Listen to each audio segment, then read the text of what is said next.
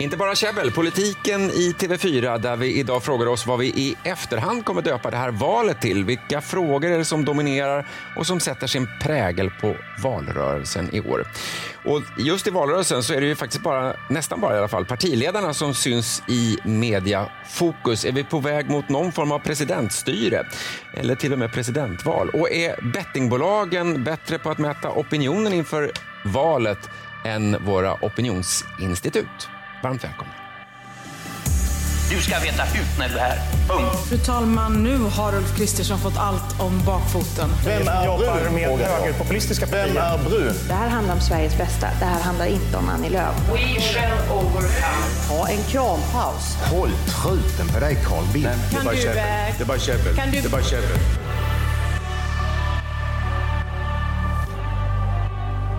Ja, ny podd med eh, lite drygt två veckor kvar till valet här i poddstudion. Ann Tiberg och Jens B Nordström, våra politiska kommentatorer här på TV4. Jag heter Johan Macéus. Dessvärre börjar vi podden idag något i moll med tanke på uppgifterna att det faktiskt var centerledaren Annie Lööf som var måltavlan för Theodor Engströms dåd i Almedalen tidigare i somras där psykiatrisamordnaren Ingmarie Wieselgren höggs ihjäl på öppen gata. Annie Lööf som nu får eh, stöd i sociala medier, inte minst både från partiledarkollegorna och från ministrar. Och ni bägge var ju faktiskt i Almedalen när det här dådet inträffade. Eh, hur tänker du, Ann, med de här uppgifterna? Ja, det känns ju att det här kommer ännu mycket närmre. Det, det var ju redan eh, en väldigt obehaglig händelse. Jag var på plats på alldeles några meter därifrån när det inträffade eh, och var på väg in till en pressträff med Annie Lööf. Eh, och vi fick ju ställa om och börja rapportera om detta. Det var chockade människor överallt runt omkring oss.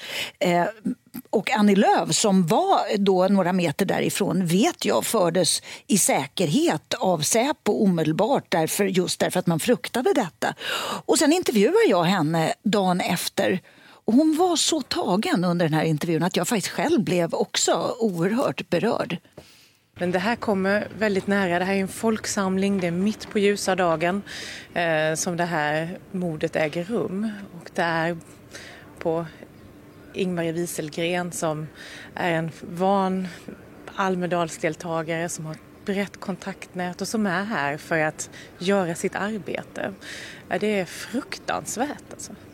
Och när du pratade med henne, ja, då visste ju inte Annie Lööf ens att det hon vet idag helt enkelt. Att hon faktiskt var måltavlan. Nej, precis. Så att för henne så tror jag, hon måste ju ha vetat det här under en tid nu hon skrev ju om det på sociala medier. Men, men eh, det sätter ju den här händelsen i ett ännu starkare ljus av eh, problematiken kring, kring Almedalen och det här öppna samhället och vad den här typen av av hotbilder eller hot som finns ändå innebär för möjligheten att, och fortsätta. Och det blir det nog diskussioner om. Mm. Nej, men de här diskussionerna har ju till viss del redan kommit igång. Att det har ju varit ett stort utflöde av sympatiyttringar från alla politiska sidor egentligen i det här också. Men det har ju också blivit en politisk eh, debatt att eh, gärningsmannen Theodor Engström har ju kopplingar till NMR. Han har också en historik av eh, psykiska problem. Så vad som är vad i det här är ju svårt att nysta i. Men redan har det kommit anklagelser. Ann Linde har ju eh, sagt att, eh, riktat udden mot Sverigedemokraterna och sagt att det är ju många som har ägnat sig åt att angripa Annie Lööf ganska grovt, framförallt på sociala medier. Och Ann Linde gör kopplingen att det här är kanske liksom den slutgiltiga eh, effekten av det som vi ser här. Och det har inte tagits emot särskilt väl heller. Så att det har ju blivit en debatt som kanske inte är särskilt värdig, men kanske inte oväntad heller i samband med det här. Mm. Eh, det är naturligtvis någonting som eh, fått eh, och får mycket fokus just nu, det här faktumet. Men vårt första ämne i podden idag, där tänkte vi prata om valrörelsen. Minns ni till exempel grispremievalet 1952 eller Per Albin-valet 1936? Kanske inte. Jag visste inte. Ni vet, vet jag. För eh, om man till exempel nämner kosackvalet 1928. Vad är det jag pratar om, Ann? Ja, du pratar ju om att man döper valrörelser i efterhand eh, och det där är en sån här eh, statsvetarsjuka och historikersjuka lite grann. Men kosackvalet, det är faktiskt ett av mina favoritval för att det var så... Det är inte första gången du nämner det här faktiskt. Nej, men det var en sån häftig debatt då. eh, Så att man, skulle, man säger att tonläget är extremt nu, men som tonläget var då eh, så undrar jag om inte det kan mäta sig. Det var alltså på det sättet att, att Socialdemokraterna hade gått fram med förslag på skattehöjningar, bland annat arvsskatt, eh, under våren före det här valet. Och i motionen som Ernst Wigforss, som sen blev finansminister, hade skrivit så eh, fanns uttrycket fattigdomen fördrages med jämnmod då den delas av alla. Och det här att den skulle delas av alla tolkades då illvilligt av högern som att eh, Socialdemokraterna skulle ta ifrån folk alla deras pengar. Eh, och det här samspelade också med att Socialdemokraterna diskuterade samarbete med dåvarande eh, kommunistiska partiet SKP. Så att det här och i den världen som vi hade då, där kommunismen faktiskt var ett väldigt tydligt hot eh, med tanke på vad som hände i Sovjetunionen, så blev mm, bilden av en hord kosacker som skulle liksom komma stormande över steppen och, och förstöra för landägarna och, och kapitalet i Sverige, den blev så oemotståndlig så att valaffischerna de gick över alla gränser. Men det här gör man alltså i efterhand, men går det att sätta ett namn på årets valrörelse nu redan innan med två veckor kvar? Man kan ju åtminstone ha någon slags teori om så här, men historien skrivs ju oftast bäst i efterhand, men man kan ju försöka sig på att göra, liksom, göra någon slags grovt utkast här i alla fall idag och se om vi kan döpa det. Ja, för det handlar ju lite om vilka frågor som dominerar. Jag menar, vi har ju haft en pandemi, sen kom kriget i Ukraina som dominerade i princip allting. Nu pratas det nästan uteslutande om skjutningarna som, som ju är ofantligt många bara i år. Eh, men det kan också ändras väldigt snabbt det här. Alltså, det kan komma en ny fråga och så kan det bli det som avgör eller som dominerar eh, valrörelsen. Ja, och sen är det ju också lite så här, ska man komma ihåg, att om, om en sån här fråga som till exempel skjutningarna dominerar, så är det inte den som kanske till syvende och sist säkert avgör valet därför att eh, frågor som dominerar där tend, tenderar partier att lägga sig nära varandra så att de inte blir så stora valfrågor som man kanske tror. Och Det är typiskt vad det gäller skjutningarna. Så jag skulle vilja säga, om jag skulle ha en kandidat, så skulle jag vilja säga elvalet eller elprisvalet. För det undrar jag om inte det kan bli en sån här bestående eh, fråga som avgör det här valet. Vad Har du, har du någon kandidat Jens? Men jag tror att det är, så här, det är väldigt mycket brott och straff och som sagt där de tävlar med. Och att, eh, men jag tror ändå att så här, ja, min kandidat är migrationsvalet, att, eller integrationsvalet kanske till och med. För det är väldigt mycket att vi har pratat om att nu har Sverige tagit emot en stor andel flyktingar och nu verkar alla rörande överens om att vi har inte varit så särskilt bra på att integrera dem och nu kommer man med massor med förslag här i valrörelsen. Så att min kandidat är integrationsvalet. Men sen måste vi ha ett litet klatschigt namn har jag tänkt då. Så jag känner lite så här, ja bra med sakfrågorna men kosackvalet, alltså, kan vi inte Ja, är komma ju- upp med något ja. bättre? Så då börjar jag känna så här, vad tror ni? Vi har varningar för elprischock, vi har varningar för, för bensin och dieselprischock. Vad tror ni om chockvalet? Chockvalet. Det är ju det är väldigt rubrikvänligt får man ändå säga. Alltså. Och sen så får man också säga att det är, så här, det är ju oftast är det så här saker som händer lite grann i valrörelsen. Så här, halmhattsvalet som vi var inne på tidigare, det var ju för att Liberalerna fick för sig att de skulle försöka göra en uh, valrörelse enligt amerikansk modell och åkte ut med halmhattar och eh, det var väl inte jättepopulärt eh, och de blev lite utskrattade för det. Så det finns liksom också en möjlighet att det kommer upp någonting i de här sista valdebatterna eller något av de här torgmötena när någon gör någonting mindre, mer eller mindre genomtänkt som också kan ge ganska stort genomslag där också. Nu pratar man ju, apropå då el och energi, om kärnkraften. Det var väl Liberalernas utspel eh, nu här idag när vi spelade in podden, just att, att få igång det här. Och kärnkraft pratades ju, pratades ju också om nu från Ukraina, där ju kärnkraftverket är. Så att eh, kärnkraft har ju också, precis som det har varit tidigare, kommit på allas läppar. Det har varit tråkigt under väldigt många år och man vill ha bort det. Och nu, nu när energipriserna skenar så börjar alla prata om det. Så din kandidat i jag kärnkraftsvalet. kanske- jag vi kanske- kanske ska ha så här kärnfrågevalet. jag vet Ah, inte. kan inte hjälpa. Kärnkraftsvalet. Det var jag som sa det då. Men du får, ja. Nu, nu är det Anns idé. Nu är det Anns idé. Jag vet, jag tar över allt. Tog hon Förlåt. den från mig nu? Herregud. Ja, ja. Ett poddtips från Podplay. I fallen jag aldrig glömmer djupdyker Hasse Aro i arbetet bakom några av Sveriges mest uppseendeväckande brottsutredningar. Går vi in med hemlig telefonavlyssning och, och då upplever vi att vi får en total förändring av hans beteende. Vad är det som händer nu? Vem är det som läcker? Och så säger han att jag är kriminell, jag har varit kriminell i hela mitt liv men att mörda ett barn, där går min gräns. Nya säsongen av Fallen jag aldrig glömmer på Podplay. Det här är podden, inte bara käbbel, politiken i TV4, eh, där vi alltså då tror att eh, årets valrörelse i, så här i efterhand kanske kommer döpas till kärnkraftsvalet, eller vad det nu blir. Ja, vi får se. Chockvalet, Chockvalet, Chockvalet kanske. Men eh, i valrörelsen så är det ju i princip i alla fall uteslutande partiledarna som syns. Jag menar, de har ju mängder med människor, sakexperter runt sig. Eh, får man möjlighet att bilda regeringar, då ska du ministrar till. Så rimligtvis måste det finnas så många mer kompetenta människor än partiledarna. Men det är faktiskt nästan uteslutande de som syns. Och då tänker jag, är det, är det vårt fel, medias fel, att vi faktiskt bara vill ha partiledarna? Eller är det partierna som riktar allt fokus på en stjärna? Alltså det blir liksom eh, överskuggar nästan hela partiet. Alltså att det, person, det blir som ett presidentval, eh, eller? En del vill ju det. Det ligger ju ett väldigt stort... Eh, Socialdemokraterna har ju nästan det som sin strategi att eh, föra fram Magdalena Andersson som kandidaten och så nästan inga vallöften. Mm. Nej, men det är väldigt mycket så. Jag tycker det är påfallande det här valet hur dominerande partiledarna är. Liksom, det är de som är på nästan alla affischer. Det är få som har gett sig på att liksom, pröva någon så här affisch där man liksom har någon så här symbolmotiv eh, eller landskap eller liksom någon sån där föremål. Utan det är väldigt mycket en bild på partiledaren. Här är jag, det är mig du ska rösta på. Och även på presskonferenserna så märker man att det här är en strategi de använder sig av väldigt mycket. det är många frågor liksom, där det finns till exempel en rättspolitisk talesperson som kan frågorna. Ändå så skjutsar man dit partiledaren som ibland står som en överrock och liksom hänger så här äh, över den rättspolitiska talespersonen. Eh, ibland tar över showen helt och liksom, de har inte ens med den rättspolitiska talespersonen.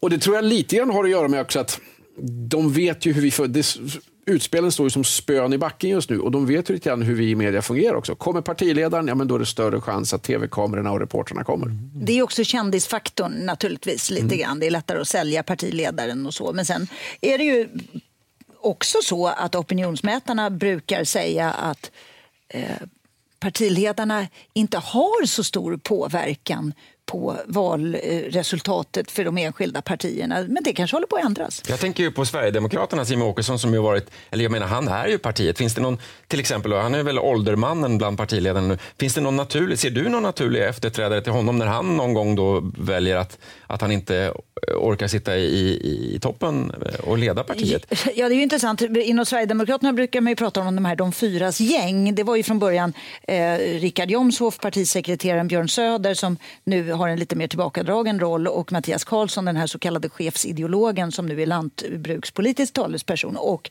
Jimmy Åkesson. Men nu turnerar Jimmy Åkesson med Jessica Stegrud eh, som väl är deras EU-parlamentariker. Eh, e och eh, ja, det kanske kan, är det vara, ett då för att kanske kan få... vara ett tips. Mm. Eh, Henrik Winge, gruppledaren, är ju en annan som... För det är klart, ju längre man sitter som partiledare, ju svårare på något vis blir det ju att låta eller att hitta någon annan, eller att någon man kan tänka sig någon annan?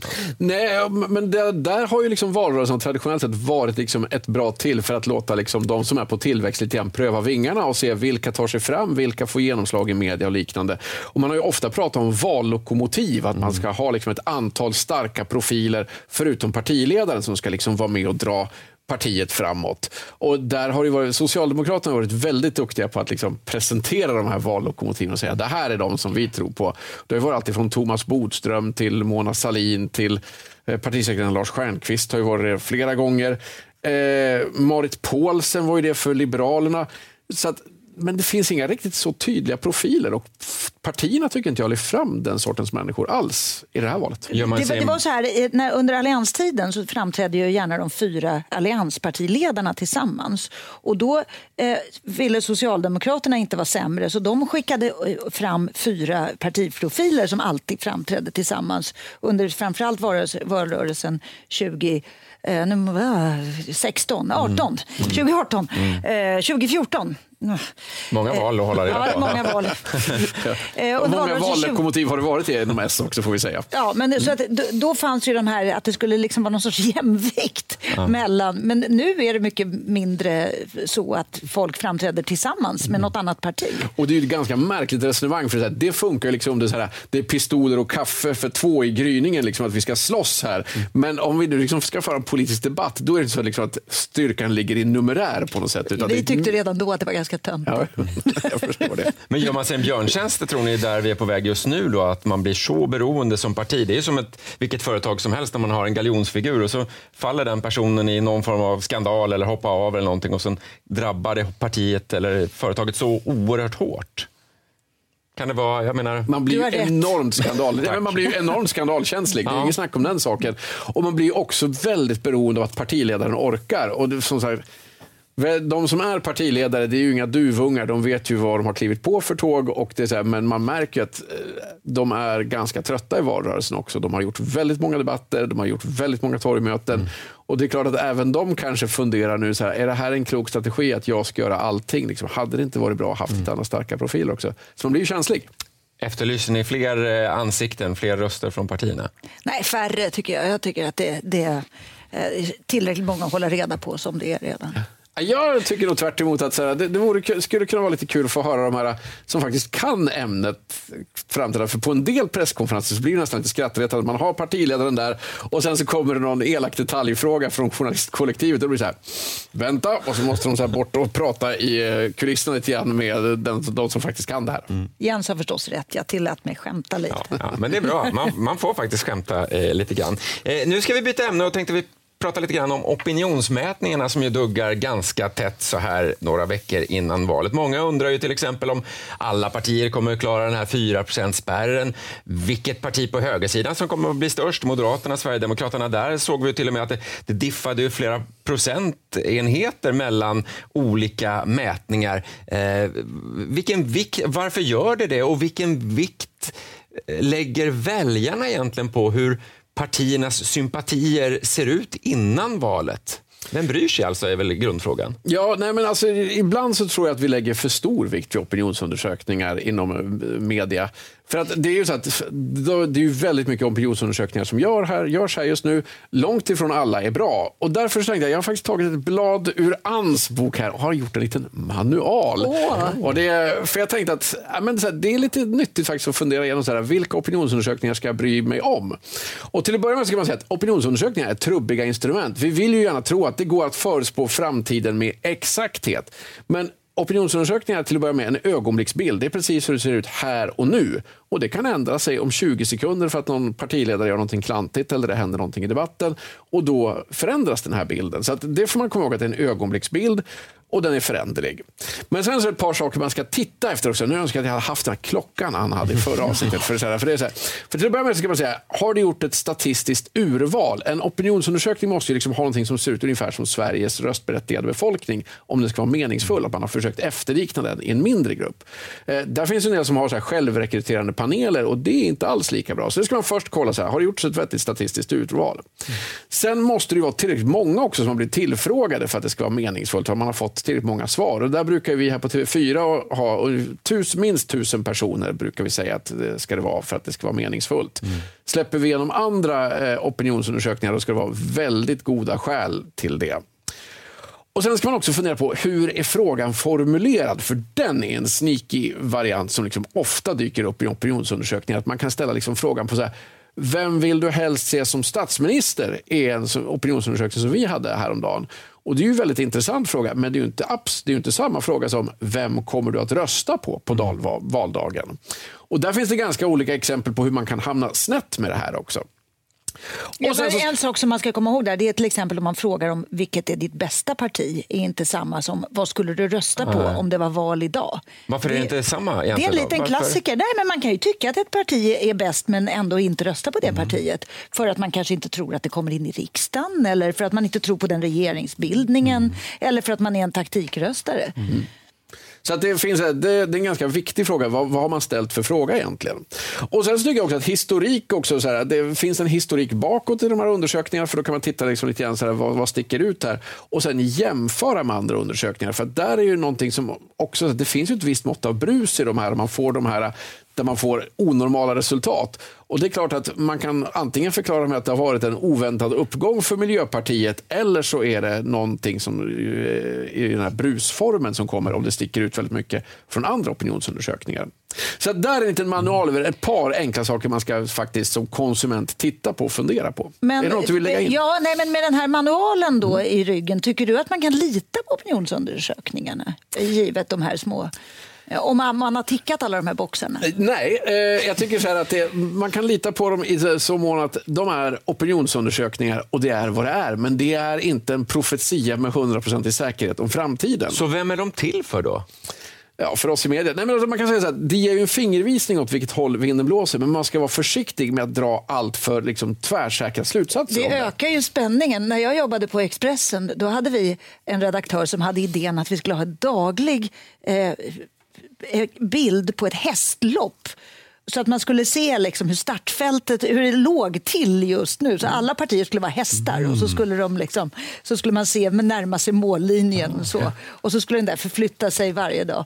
Så att det, man, det finns ju en spänning i det här och det är ju hela det här spänningsmomentet. Men det finns ju också en, en, en Eh, Eh, opinionsmätningar kan ju också påverka valutgången. Och det här är ett klassiskt socialdemokratiskt problem. att De är livrädda för, för eh, att ha för bra opinionssiffror eller för stor uppgång för tidigt. För det minskar röstviljan. Då blir det så här, ja, de kommer ändå vinna, jag mm. behöver inte gå och rösta. Eh, och det har varit klassiskt just för dem, särskilt när, under eh, tidigare perioder när de hade väldigt, ofta väldigt höga eh, starka valresultat. På samma sätt om man nu riskerar att ramla ur och under 4 spärren kan det finnas den typen av, av eh, signaler också, ja. att man då börjar stödrösta. Så de det, och det har ju fått konsekvenser. Om vi tittar förstärkande av olika effekter, eller försvagande. Mm. Lite. Nej, för Brexitomröstningen i Storbritannien, där gick ju eh, opinionsinstitutet i Storbritannien ut och sa att det här ser eh, stanna kvar i EU-sidan ut att ta hem. Remain kommer att vinna det här. Vilket ledde till att ett antal Remain-röstare låg kvar på sofflocket och så blev det en Brexit mm. av det istället. Mm. Så att det här får ju konsekvenser. Och där finns det ju en svensk tradition att det publiceras inga opinionsundersökningar under valdagen eh, förrän som här vallokalsundersökningar som vi och SVT gör som kommer ja. ganska sent på Men kvällen. dagen innan kan man publicera. I en del länder så har man ju liksom ett moratorium på på opinionsundersökningar i hela helgen före valet till exempel. Men 2014 så frångick ju faktiskt tidningen Metro den här kutymen eh, och publicerade en eh, opinionsundersökning på valdagen. Och det var ju ett ramaskri, för dels så låg den så ganska långt ifrån valet, den var inte särskilt pricksäker. Och, men det ledde till ett ramaskri från ett antal partier som tyckte liksom att nu får ni våra väljare att tro att det här är i box, alternativt att det inte är någon mening att rösta på oss. Så att det var ganska mycket diskussion 2014. Och det kan låta lite olika från partiledare också beroende på hur liksom, opinionen har svängt och så. Du tog fram två exempel vet jag. Ja, men så är det ju. Att, eh, partiledare har alltid väldigt svårt att kommentera. Och går det bra i opinionen, ja men då måste man hålla ett lite högtidligt tal om att eh, man kan ju inte erkänna att det är för att jag är fantastiskt bra, men man kan vill låta det framstå så mellan raderna. Mm. Vi kan lyssna på Magdalena Andersson, hur hon lät på det. Jag vet bara vad jag försöker göra. Jag vaknar varje morgon och ser vad har vi för samhällsproblem i Sverige och vad kan jag göra för att lösa dem. Det var ödmjukt. Det var lite mätt. och oerhört högtravande. Och det, där, men det är, liksom, det, är här, det är det klassiska politikersvaret om du får det här rätt. Samtidigt så är det så att ibland får du också besked att du ligger ju efter och det ser inte alls särskilt bra ut för dig. Och då finns det det klassiska politikersvaret. Och vi kan lyssna på Ulf Kristersson lät det när han fick höra eh, att han släpade Magdalena Andersson. Utan jag tänker, det finns en riktig mätning den 11 september, det är valresultatet. Den kommer bestämma hur nästa regering bildas. Ja, den har man ju hört så många gånger förut. Ah, ah, den riktiga mätningen. Den riktiga mätningen. Mm. Och, å andra sidan kan jag faktiskt säga att Ulf Kristersson har ju rätt. Det är ju det som är den riktiga mätningen. Opinionsundersökningar är trubbiga. Och det, det ska, bara, jag ska bara säga det att, att eh, man säger dock att Svenska institut ligger ganska bra på, i sina sena mätningar. De ligger ofta ganska nära valresultatet. Men jag sa inledningsvis att bettingbolagen ofta ligger väldigt bra, kanske ibland ännu bättre än vad opinionsinstituten. Delar ni, jag har läst mig till det bara, men delar ni den uppfattningen? För man kan ju betta på valresultatet också. Alltså man kan ju säga att jo, opinionsundersökningar, men opinionsundersökningar man kan säga, Betting. betting. bettingbolagen gör ju ett enklare. De ska ju se- utse liksom en vinnare och en förlorare. Inte liksom pricka ett exakt valresultat, vilket är lättare. Och de ändrar sina odds hela tiden också. Fast Så gör de inte det? Ja, möjligen så här, men det vanligaste är att du kan betta liksom på vem blir statsminister, vem blir inte statsminister. Men det man kan säga är att de ändrar sina odds också, så de skruvar ju på det här hela vägen in i mål. Mm. Och då blir det ju en avsevärt lättare också. Att det är så här, då, då kan du liksom plocka in saker in i det sista. För det som Och ofta... sen är bettingbolagen kanske lite beroende av opinionsmätningar. Det vill säga det påverkar ju Ja, det är ju oddsen. det, det som de baserar Ja, rätt mycket ja. på. Men sen så kan man också konstatera att det är väl det som är liksom eh, kruxet med de här att när opinionsundersökningar får kritik så är det ofta de som ligger en bit tillbaka och kanske inte har reflekterat de sista 48 timmarnas händelser eh, i valresultatet. Och då framstår de som inte riktigt lika pricksäkra. Men det är ju någonting som man kan konstatera att man ska vara försiktig med att dra för, allt för tvärsäkra slutsatser. Och vi i media är lite delskyldiga till det här också. Att varje redaktör vet liksom att rubriken Ann Tiberg utser valets vinnare. Den kommer folk att klicka på. Medan Ann Tiberg är osäker på vad en opinionsundersökning har för praktisk betydelse. Den är svårare att få folk att klicka på. Sorgligt. Hur? Jens, tack för manualen. Det kanske är bra när man eh, får de här eh, alla eh, opinionsmätningarna som ju kommer rimligtvis komma många, många fler, Vi borde snart samla dem där i en bok. Ja. Det kanske blir din eh, nästa bok. Litet häfte, sånt där litet. Säger Ann Tiberg som lägger all sitt fokus på att skriva manus nu och förbereda sig inför valspurten här i TV4 som ju drar igång nu. Det är debatter och, och ja, det är mycket. Ja, partiledarutfrågningar håller vi på med ganska mycket just nu. Ja, det är spännande vecka vi har 5 framför oss. 6 september. Orkar ni i mål? Ja, det är ju inte framförallt vi som ska orka. Det är ju de där presidentkandidaterna. Det är presidentkandidaterna och inte minst väljarna som ska orka i mål. Tack Ann, tack Jens eh, och tack för att ni lyssnade. Inte bara käbbel. Eh, Finns där poddar finns och vill ni se oss så finns vi faktiskt också på TV4 Play. Tack för idag. Podplay. Poddtips från Podplay. I podden Något Kaiko garanterar östgötarna Brutti och jag, Davva, dig en stor dos skratt. Där följer jag pladask för köttätandet igen. Man är lite som en jävla vampyr. Man har fått lite blodsmak och då måste man ha mer. Udda spaningar, fängslande anekdoter och en och annan arg rant. Jag måste ha mitt kaffe på morgonen för annars är jag ingen trevlig människa. Då är du ingen trevlig människa, punkt. Något Kaiko, hör du på Podplay. Därför arkadeinerna.